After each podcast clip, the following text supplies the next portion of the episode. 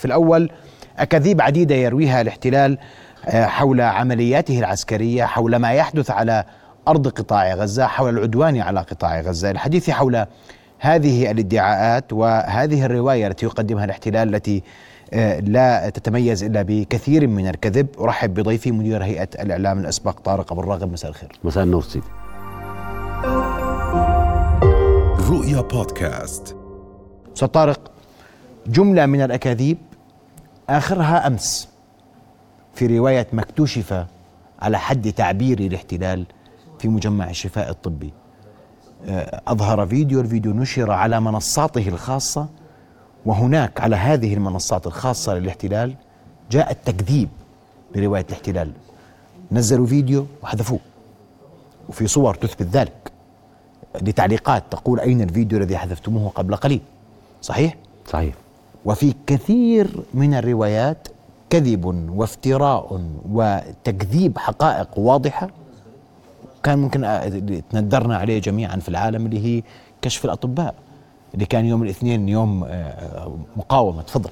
يعني ليس شيء جديد. اليوم الإعلام آه، دولة الاحتلال قاعد بقدم روايات كاذبة. خلينا نرجع هيك سريعا آه، بما جاء من بداية هذه الأحداث. بداية الأحداث خرجت إشاعة كبيرة من أحدى الجنود الصهاينة يتحدث فيها عن قطع رؤوس واغتصاب نساء وقتل أطفال وللأسف تلقفتها مدارس إعلامية على مستوى العالم كله وبعدها بدأت هذه الرواية بالانخفاض وبدأت هذه الرواية أيضا بالتكذيب حتى أنه هذه الرواية نقلت في أهم يعني معاقل السياسة في البيت الأبيض ومن ثم تراجعوا فيها بناء على أنه لا يوجد مصدر لهذه الرواية. ومن بعد ذلك آه، أيضا قصف مستشفى المعمداني. خلينا نحكي عن هاي الجزئية اللي يعني حاول الاحتلال الإسرائيلي استغباء الشارع العربي والشارع العالمي بأنه هذا القصف أول تصريح لهم كان هو قصف من قبل حماس نفسها لهذا المستشفى على الرغم من أن الصاروخ الموجه المستخدم هو صاروخ أمريكي لا تمتلكه حماس ولم تمتلكه حماس. ومن ثم تم إطفاء هذه الشائعة سريعا لأنه خرج خبراء عسكريين تحدثوا عن أنه هذا الصاروخ لا تمتلكه حماس ولا يمكن أن تمتلكه حماس لأنه صاروخ مصنع أمريكيا. وهو من الصواريخ يعني اللي وردت. المستشفى المعمداني كان قصة مهمة للتكذيب والروايات هي بداية التحول وهذا جزء مما كان يريده الاحتلال. 100% هي بداية الروايات الكاذبة والتي بدأت يتحدث فيها. أنا أنوه أن هذه لقطات روجها الاحتلال على أنها آه، يعني مواقع إطلاق نار ومواقع هجوم وما إلى ذلك. يعني تفضل. إحنا لسه جايين كمان في شيء ثاني. بعديها بعدها بلش التركيز على آه، مستشفى الشفاء. بالنسبة لمستشفى الشفاء لازم كلنا ندرك بأنه هناك لعبة إعلامية اسمها صناعة انتصار إعلامي. وهو أن نركز على شيء وتكرار الحديث عنه وبأنه هو مركز عمليات. وشفنا العالم كله قاعد بيتحدث أنه مركز العمليات موجود في مستشفى الشفاء وبدأت قوات تتحصن وتتجمع واختراق ودخول إلى غزة حتى يسوقوا للناس عبر الإعلام بأنه اقتحام هذا المستشفى هو نصر بحد ذاته. اللي قاعدين بنشوفه هو عبارة عن مهزلة يحاول آه، دولة الاحتلال تحاول أن يعني تغطي عيون الناس ظنا منها بأن الكذب الذي صار وبنيت عليه حروب في السابق تجربة ممكن أن تتكرر في هذا العصر. خلينا نرجع هيك آه، سنين لوراء آه، دولة العراق كاملة مكملة قد قامت فيها الحرب على بناء على كذب وجود أسلحة دمار شامل ظنا منهم بأن هذا مبرر كافي. هذا الفيديو كان عبارة عن مهزلة وتم تحليله من قبل أكثر من جهة إعلامية وأكدوا كذبه حتى أن محطات إسرائيلية بدأت تتحدث عن مثل هذه الفيديوهات. اليوم حتى فيديو الآخر اللي هو الأسلحة محطات إسرائيلية وأنا اسمح لي فيديو الأسلحة في روايتين عشان نعم. نكون متفقين. الرواية الأولى لنتنياهو آه، المجرم الذي ارتكب مجازر حرب صهيونية. اليوم ما في شيء اسمه لا نازية ولا فاشية الصهيونية هي الأكبر. من كل ذلك يعني الجرائم ارتكبتها أكبر من كل تلك الجرائم. لكن آه، أول شيء نشروا فيديو أظهر ما يوجد أسفل مستشفى الشفاء وأنه والله هذا المستشفى في أسفله أنفاق وفي مراكز قيادة وفي مراكز تحكم. اللي شفناه حتى من سلاحين كلاشينكوف في إحدى الغرف وغيرها هذا أيضا يبرر بأنه هذا الكذب الموجود آه، بدأ يخرج عن السيطرة وبدأ العالم ينتقده. اليوم نفس الصحافة الإسرائيلية تنتقد هذا الفيديو بأنه طيب أنت اليوم لما عرضت مستشفى الشفاء منذ أيام على جهات محايدة أنها تفوت تفتشه ليش رفضت إسرائيل؟ لتكشف زيف هذا الفيديو. نعم. لكن رفضت إسرائيل. لماذا رفضت؟ لأنه تعلم بأنه لا يوجد مثل هذا الموضوع ولا يوجد أسلحة ولا يوجد وخليني أفترض إنه موجود أحد المسلحين داخل المستشفى.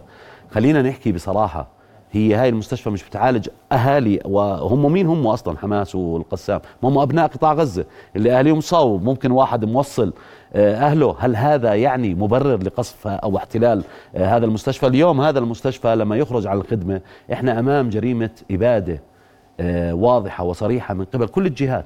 هذه التبريرات الإعلامية التي وضعت وضعت فقط لتسويق انتصار وهمي عبر الإعلام ولم تنجح في دولة الاحتلال على العكس. دولة الاحتلال أصبحت من الداخل يعني غير عن إعلامنا والإعلام العادي والإعلام الغربي. الإعلام الداخلي الإسرائيلي بدأ ينتقد في نتنياهو وحكومته على مثل هذه الفبركات الواضحة اللي بطلت تنطلي على أحد. هذا ما تحدث لك الزمن تغير. ممكن حتى نثبت فقط أن هذا الفيديو نشره نتنياهو نتنياهو وتم حذفه بعدها. الآن نتنياهو وحكومته بتشتغل قاعدة بنظرية جوبنز اللي هي اكذب اكذب. حتى يصدق حتى هم صدقوا كذبهم. هم يسوقوا هذا الكذب ويروجوه للداخل الإسرائيلي وبقصد أن يكون هناك تحرك للرأي العام العالمي. لأنه الرأي العام يكذب بلكي حد يصدق الرأي العام العالمي بدأ ينقلب بسرعة هائلة عندما بدأ احكي عن الرأي العالمي بس قبل ذلك فيديو أمس مهم جدا طبعا. من الناحية الإعلامية على أقل تقدير. ما نشر عن ما اكتشف في مستشفى الشفاء ينفي ما نشره نتنياهو الطبي إحنا طبعا نتفق ان ان أن هذا الأمر اختلف. بس قبله كان في كمان رواية وهي رواية المساعدات. ساتفق سأتفق بداية على هذا الفيديو إن سمحت أستاذ طارق إيه، وكأن الأسلحة تخبأ بهذه الطريقة وكأن القسام لا يعلم أن نتنياهو وجيشه لا وخلينا نحكي من صيغة إعلامية. م. هل يجوز للمشتكي أن يفتش الشاكي؟ يعني أنا دفترض أنه بدي أساوي بين الطرفين. أنا لا سمح الله ولا قدر أنا مشتكي على محمد إنه في في الاستوديو شيء بصير أنا آجي والم والشخص نفسه وسلطته وأي جهة محايدة مش موجودة وأجي أقول أنا لقيت عندك قنبلة. طب ما أنا اللي حاطها. هي واضحة. هم اللي مسيطرين. بس مثل يعني لابتوب. هل هذه هل هذه غرفة عمليات؟ غرفة عمليات هذا. هذا كذب وزيف واضح. وللأسف شنطة ولابتوب حتى الكلاشينات ملفوفة بطريقة وكأنها وضعت الآن. يعني مبينة إنه هذا الفيديو كله مفبرك ولم تجد إسرائيل ما تسعى إليه أو ما تظن بأنه موجود. واليوم بتروج نفس الرواية على مستشفى الرنتيسي قبل ما أجي لعندك. قاعدين بيحكوا لا مستشفى الرنتيسي اللي تحتيه غرفة عمليات. هذا هذا الشيء اسمه هذا أحد هذا أحد الناطقين العسكريين باسم الاحتلال. واللي هو طلعوا عرضوه على وهو غير مؤهل يعني حتى في حديثه واضح أنه مربك. وأسلحة بعدين الأسلحة بتنحط بجنب آه، الجهاز التحكم بالرنين المغناطيسي. يعني في غباء حتى في اللي قام بمثل هذا الفعل كلياته. أظهر للناس بأنه هذا الكذب لن يسوق على الناس. وإحنا هون هم ما بيسوقوا لنا كعرب ترى بالمناسبة.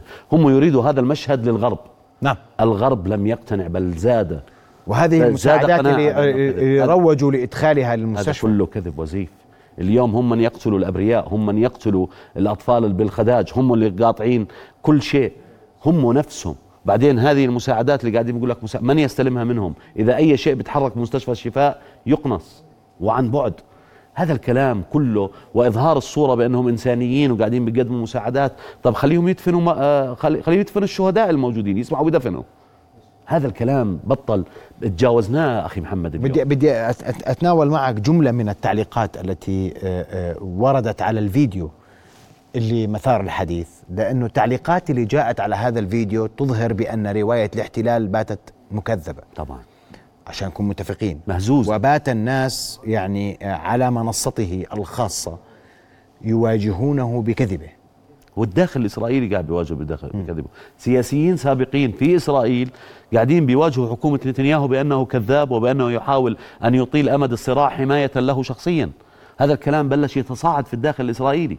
اليوم إذا أنت قاعد بتتابع كما هناك جبهة حرب مفتوحة هناك جبهة داخلية من الاحتجاجات الضخمة داخل تل أبيب ضد هذه الحكومة، حكومة التي يأتي فيها نتنياهو بهذه العقلية المتعنتة ويهرب ابن أخيه لينقذه ويساهم في أيضا آه، بوجود بن كفير وأيضا وزير وزير التراث الذي قال بأنه يجب أن تقصف حماس بالكيماوي، هذا هذه حكومة أسقطت نفسها بنفسها.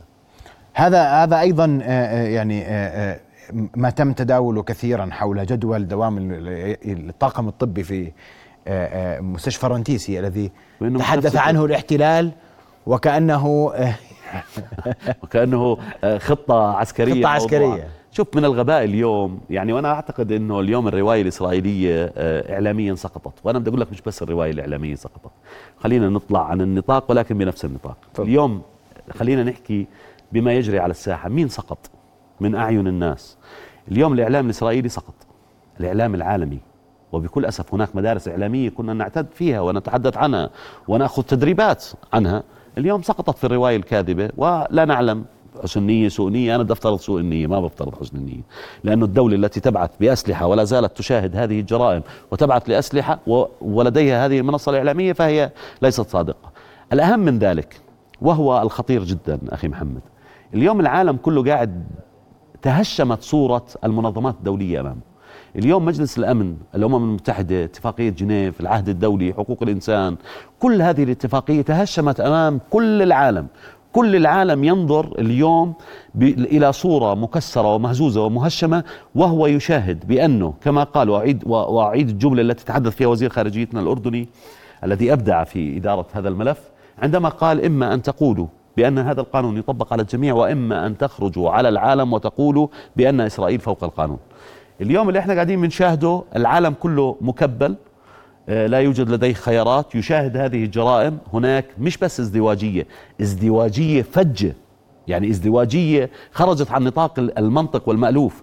اليوم لما إحنا قاعدين بنتفرج على كل هذه الأخبار وعلى صور هذه الأطفال وعلى صور هذه الأكاذيب اللي تنشر واللي أغلبها عبارة عن جرائم حرب وجرائم إبادة ويقف العالم كله عاجز ومنظماته الدولية التي كانت تتحرك على أقل شيء. إحنا شفنا آه، أحداث أقل من ذلك بكثير. وبجوز ليس بعيدا وليس تشجيعا على المقارنة ولكن ليس بعيدا كانت الأحداث الأوكرانية الروسية. وشفنا كيف إنه العالم كان يتباكى على أي صاروخ أو, طارق، أو. تفجير في الأحداث الأوكرانية الروسية كان هناك صوت عربي يقول لماذا تتعاملون مع أوكرانيا بهذه الطريقة؟ ازدواجيه ولا تتعاملون مع القضية الفلسطينية بهذه الطريقة لتأتي معركة طوفان الأقصى في ظل استمرار المعركة الروسية الأوكرانية الحرب الروسية الأوكرانية. وتظهر زيف هذا العالم وكذبه. وكأن آه، آه، البشر غير البشر. يا سيدي. اليوم صارت حقيقة. يعني بكل أمانة اليوم اللي إحنا قاعدين بنشوفه هو عبارة عن كشف حقيقي لكل الشارع العربي. اليوم خلينا نحكي عن مؤسسات المجتمع المدني العالمية الأمم الأمن مجلس الأمن والأمم المتحدة الجمعية العمومية مجلس حقوق الإنسان. كل هذه المجالس أصبحت عاجزة. اليوم في حراك مجتمعي في كل الدول العربية ومنها الأردن. اليوم الأردن بعد أن تم تأكيد وجود الأحزاب وبدأ الحراك يصبح برامجي. اليوم الأحزاب بدأت تتحرك كمان بطريقة أنه إحنا إحنا وين كنا؟ صرنا قاعدين بنراجع في أحداث سابقة في الحرب العراقية. قاعدين بنراجع في اتفاقية آه، وادي عربة. اليوم مجلس النواب انتقل إلى مراجعة اتفاقية وادي عربة وهذا بضغط من الشارع الأردني. هذا كله ليش جاء؟ لأنه اليوم كمان الأحزاب أصبح لها دور أكبر. كنا أول يعني وسائل اتصال أقل وأبسط والأخبار كانت تأتينا من مصادر محددة. اليوم وسيلة اتصال آه، هاتف تليفون لأحد النشطاء في غزة من من الأبطال الذين بقوا للتغطية. آه، نقل لنا الصورة الحقيقية وهذا ساهم في انتشارها على كل محطات العالم. خلينا نحكي كمان بشيء ثاني اليوم الأحزاب وأنا بتحدث معك الآن بصفة حزبية أنا عضو في مكتب سياسي حزب الاتحاد الوطني الأردني بدأنا نضع برامج برامج وليس كلام وليس ادعاء. اليوم في برنامج لدى حزب الاتحاد الوطني الأردني ما الذي سوف نقوم فيه خلال الثلاثين يوم القادمات؟ على هذا الصعيد توثيق للجرائم ندوات آه، توثيق أيضا للمعلومات والتأكيد عليها اليوم مثل هذه الفيديوهات. أصبحت بعض الأحزاب وغير محطات تقوم بنشرها وتأكيدها وهذا الكلام موجود اليوم على أرض الواقع. هذا الجهد من حزب الاتحاد الوطني وكل الأحزاب الأردنية ترى بالمناسبة لهم الشكر. ولكن خلينا نحكي بجزئية أخرى ما هو دور الإعلام؟ اليوم أنا اسمح لي أني أرفع القبعة احتراما وإجلالا للإعلام الرسمي الأردني. الإعلام الرسمي الأردني وعلى رأسه المؤسسة الوطنية التلفزيون الأردني. هناك نقلة نوعية. الإعلام الخاص الأردني وعلى رأسه قناتكم وليس لأني جالس فيها. نقلة نوعية. اليوم أنتم أصبحتم إعلام فلسطين في الأردن. بدك تقول لي شو التأثير؟ التأثير ضخم وعظيم جدا. وهناك فرق في معادلة الإعلام ما بين التأثير والانتشار. وهذا يدخلنا إلى موضوع كيف نخاطب الغرب اليوم المقابلة اللي أجرتها جلالة الملكة على قناة السي إن إن قد يظن البعض إنها مقابلة ومرقت لا, لا هذه طبعاً. ليست مقابلة عادية طبعاً. ليش لأن الجمهور الذي وصلت له جلالة الملك كشخصية سياسية مرموقة ومحترمة في العالم الغربي وعندما تحدثت بهذه الصلابة وهذا الموقف المستمد من جلالة الملك ابتداء وبهذا وبهذا الوضوح كانت قد أثرت في الرأي العام، اليوم الرأي العام الأمريكي كامل قاعد بيتغير. اليوم المقاله التي كتبها و- الملك وأمريكيون وهي- عبر طبعاً. عبر رؤية شون اليوم صراحة كلهم أن بدأوا يتحركوا. أن الساسة عندما تحدثوا مع الإعلام الغربي من ال- غيروا كثيرا من تصور هذا الشارع الغربي أنا بدي يحدث لك عن فكرة الانتشار والتأثير الانتشار أنا ومحمد نطلع فيديو على على الأردن 10 مليون أردني شافونا بس إحنا ال 10 مليون مقتنعين في هذه القضية التأثير اليوم مقالة لجلالة الملك بالواشنطن بوست وسبقها لقاء أنا اسمح لي أن أنوه أن هناك تصريحات لوزير الخارجية آه، الآن تتحدث أن الأردن لن يوقع اتفاقية تبادل المياه مع آه، الاحتلال هذا وأن. وأن وأن معاهدة وادي عربة اليوم باتت. غبارا لم يعد يعتمد عليها أو يعترف فيها. هذا حديث لوزير الخارجية هذا هذا قبل لحظات يعني هذا الدور الأردني اللي, اللي قاعدين بنشوفه. أنا ليش قاعد بحكي لك على التأثير؟ لما أجريت هذه اللقاء هذا اللقاء مع جلالة الملك على السي إن إن. التأثير للمستمع الأمريكي وعندما بدأ يسمع إلى الحقائق من شخصية مصدقة ومحترمة لديه بدأ آه، الإعلام الغربي اللي كان يروي لك بس الرواية الإسرائيلية السردية الإسرائيلية بدأ المشاهد الأمريكي يتابع. جلالة الملك عندما اليوم يقوم وهي آخر إجراءاته غير عن الحديث المطول والكلام ال- ال- المطول الذي يتحدث فيه كل اليوم بكتب مقالة في الواشنطن بوست. من يقرأ هذه ال- الواشنطن بوست؟ الأردنيين إحنا مش بحاجة لواحد يشجعنا على موقف. هنا بيجي دور التأثير فالتأثير أهم من الانتشار في الإعلام.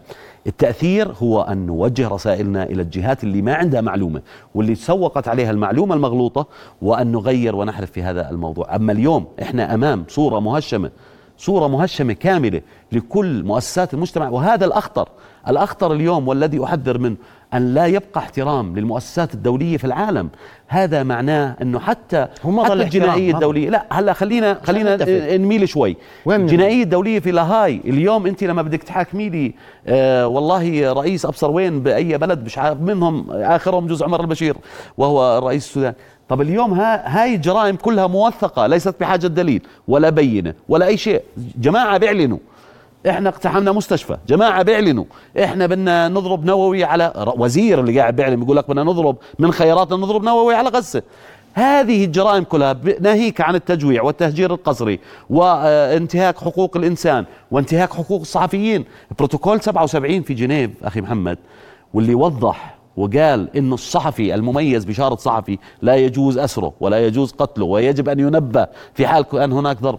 إحنا اليوم أهم هدف قاعد موجود لإسرائيل سيارات الإسعاف والصحفيين شفت العدد الهائل اللي للصحفيين استشهدوا آه، في هذه العمليات. اليوم هناك فكر جديد بدأ يتحرك وهذا الفكر قوته قوته. استنبعت من برامجكم أخي محمد لأنه أنت نبهتني. غيرك نبهني التلفزيون الأردني نبهني آه، رؤية نبض البلد نبهني وبدأنا نبحث إنه يا عمي تعالوا طب في مخالفات واضحة. وين هي؟ هل, هل هذه المخالفات بحاجة إلى هذه الإثباتات؟ اليوم الأحزاب نبهتنا. اليوم حزب الاتحاد الوطني يقوم بتقديم برنامج متكامل خلال 30 يوم لما يعمل. حزب سين قام بتقديم برنامج لما يعمل. طيب. حزب صاد هذا كمان كله تثقيف للوعي العام ال- الجمعي في الشارع الأردني. أنا, أنا معلش أستاذ طارق أنت اليوم إحنا بنحكي عن ادعاءات كاذبة للاحتلال يروج لها.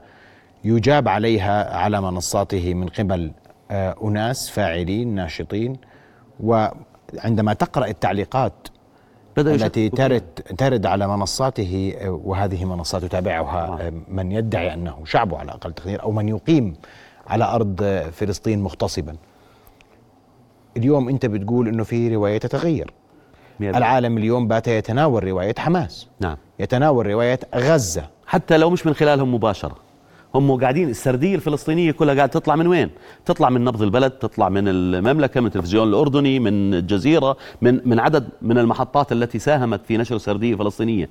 اليوم وهو الأهم الداخل ال- الإسرائيلي شعب نتنياهو يتابع هذه المنصات وأصبح يقارن لأن الكذب فج يعني صارت الكذبة يعني آه مش مش قابلة للتصديق حتى من اليهود أنفسهم المتطرفين أنفسهم يقول لك يعني هذا كذب فلذلك لجأوا إلى آه ما هو أكبر. أنا بدك تحكي لي بالصفة الإعلامية أو خلينا نقول بالسياسة الإعلامية إسرائيل لم تستطيع أن تصنع خبرا. وهذا على خلاف ما كنا نظن. مالكين كل تويتر وفيسبوك وكله قاعدين ب... وإذا بتكتب فلسطين بتنعمل بلاك. مضبوط ولا لا؟ المؤسسات الإعلامية العالمية كلياتها يسيطر عليها آه، هذه الفئة من الناس. هذا الكلام كله تبدد. ليش؟ لأنه في عندك رواية وسرديه أقوى على أرض الواقع في عندك وسائل أصبحت أسهل للنقل. يعني يعني من عشرات السنين أخي محمد لما بدك تنقل آه، فيديو من مستشفى الشفاء بدك تحرك سيارة ومعاها satellite ومعاها كاميرا وزنها بجوز 500 كيلو. اليوم التليفون قاعد بنقول لك live live بيحطك بالصورة. بدها تكذب إسرائيل أنا معي تليفون قاعد بصور الحقيقة. يعني لا تستطيع أن تكذب فبددت هذه المسائل كلياتها. فلذلك أنا اليوم بحكي إنه أكبر استثمار ممكن أن يكون لأي دولة في العالم هو الإعلام. والإعلام أكبر قضية وأكبر سلاح موجود. وقد انكسرت وانهزمت إسرائيل في السلاح الإعلامي. وهذا مهم جدا. اليوم بدك تقول لي الصورة الجمعية اللي كانت تحاول إسرائيل تصل كانت تصل لدورين الدور المقدم للغرب وهو المظلومية وهي دائما ما يعني تبدع في دور المظلومية من أيام الهولوكوست، يعني أي ما يحكي معهم وإحنا انحرقنا وحرقنا هتلر ومش وهذه الأكاذيب التي لا أستطيع أن أنفيها وايدها ما بعرف شو هي، ولكن دور المظلومية تمارسه إسرائيل، اليوم إسرائيل لا تستطيع أن تمارس دور المظلومية. ليش؟ لأنها الظالم الواضح والصريح أمام العالم كله. نعم. فقدت أيضا النقطة الثانية والسبق الثاني وهو أن هذا هذه دولة الاحتلال كانت تروج للعالم كله خوف استباقي بأنها الأقوى عسكريا في المنطقة والأكثر تكنولوجيا في المنطقة. إحنا شفنا شاب ببنطلون الرياضة فجر آه، دبابة حقها 6 مليون دولار. شاب. فاليوم هذا السبق هذا هذه الصورة قد تكسرت وهذا انتصار لحماس لليوم لغاية الآن. هذا الانتصار الذي يحقق. اليوم الأهم من ذلك كمان ومن الانتصارات التي تحققت بأن بدأنا نشاهد ازدواجية المعايير وتهشم صورة المجتمع الدولي أمام دولة إسرائيل. الأهم والأهم هو الدور الموحد. أنا بحكي على مستوى الأردن الآن. الدور الموحد. إحنا في عنا حالة من التطابق مع الحكومة سواء من الحكومة أو من مجلس النواب أو من الشارع الأردني مع الرؤية الملكية في هذا الملف. ليش؟ في أسباب. لأن الرؤية الملكية سابقة حتى الشارع الأردني في آه، الدبلوماسية. وقد قدمت تصريحات واضحة وصريحة وقد ندفع ثمنها. وهنا أريد من خلال وإحنا نتحدث عن الإعلام أن ننبه اليوم الأردن مش بعيد. من أسهم الفتنة ومن أسهم الشائعات وحاول البعض تشويه كل الإنجازات الأردنية وحاول وهذه المحاولات تبوء بالفشل لأنه إن شاء الله شعبنا دائما واعي لمثل هذه المحاولات. ومن آخرها كان الحديث الذي الحديث الفج من بعض الأشخاص على مواقع التواصل الاجتماعي حول آه، دور المستشفى العسكري في غزة. اليوم المستشفى العسكري في غزة في مستشفى عسكري جديد أمر به جلالة الملك اليوم في نابلس. اليوم هذا المستشفى هو الوحيد اللي قاعد بيقدم وأبنائنا تصاوبوا يوم أمس لأنهم قاعدين بيساعدوا بأخوانهم وأشقائهم الفلسطينيين، لا أحد يزاود على الدور الأردني من هذه المواقع وهذه الشائعات وهذه الفتن، لأنه اليوم الشارع الأردني كله موحد على قلب رجل واحد، إحنا اليوم كلنا سياسة، آه، أحزاب، معارضة، كل الفئات الشعبية خلف جلالة الملك بالموقف لأن هذا الموقف يعبر عنا جميعا. فأي حالة من إنك بدك تحاول تخلخل هذا الدور الأردني. هذه محاولات متوقعة. ليش؟ لأنه في عندك ناس لا يعجبها هذا الدور الأردني. وقد عبرت إسرائيل صراحة بأنه هذا الدور الأردني وانتقدته. عندما تم اتخاذ إجراءات والآن أنت تؤكد ذلك أنه منذ قليل وزير الخارجية الأردني قد صرح بأنه اتفاقية وادي عربة أصبحت غبارا. وأنا أتوقع أن مجلس النواب أيضا بمراجعته لهذه الاتفاقية. اليوم إحنا قاعدين بنشوف مشهد عليه إجماع وطني. من الشارع الأردني من السياسيين من الأحزاب من كل الفئات خلف جلالة الملك في هذا الموقف لأنه هذا الموقف يعبر عنا نعم. نقطة وسطر جديد. أما ما يدور في الفلك الإسرائيلي وفي إعلامه فهو يدور حول نظريتين. إما النظرية الأولى اللي هي نظرية جوبنز اكذب اكذب اكذب حتى يصدق الناس بأنك صادق. النظرية الثانية هي نظرية الإلهاء وهي تقدمها. وإذا سألتني كيف نظرية الإلهاء أنا قاعد بحكي لك ما نشاهده اليوم أكبر من غزة. ما تقوم فيه آه، دولة الاحتلال اليوم ليس الهدف منه غزة وحدها لا الهدف أكبر من غزة. وهذه الطريقة والفجة التي تحاول فيها آه، تخويف من حول غزة تدلل على أن الموضوع أكبر من ذلك. ولكن المقاومة الصلبة ورجال غزة ورجال فلسطين ككل لأنني أرفض التقسيم بشكل أو بآخر هم الذين أثبتوا أنهم بأرض الواقع، اليوم هم بحاجة إلى الدعم معنويا سياسيا آه، من خلال المساعدات، اليوم الطيارة السادسة الأردنية اللي بتودي معونات آه، وهذا ليس منا، بالعكس هذا واجب وواجب على الأردن، ولكن أن يخرج البعض علينا بأخبار مغالطة لذلك أو تحاول أن تشكك بالموقف الأردني ككل. أنا أعتقد بأنه اليوم الشارع الأردني سوف يرد قبل السياسي الأردني وقبل الإعلام الحكومي والإعلام الخاص سوف يرد قبل الإعلام الحكومي. ليش؟ لأنه واضحة الصورة. نحن أيضا مستهدفين من هذه الحرب اليوم اللي قاعدين بنشوفه في مجتمعنا الأردني. إحنا في حالة حزن وحالة متابعة يومية.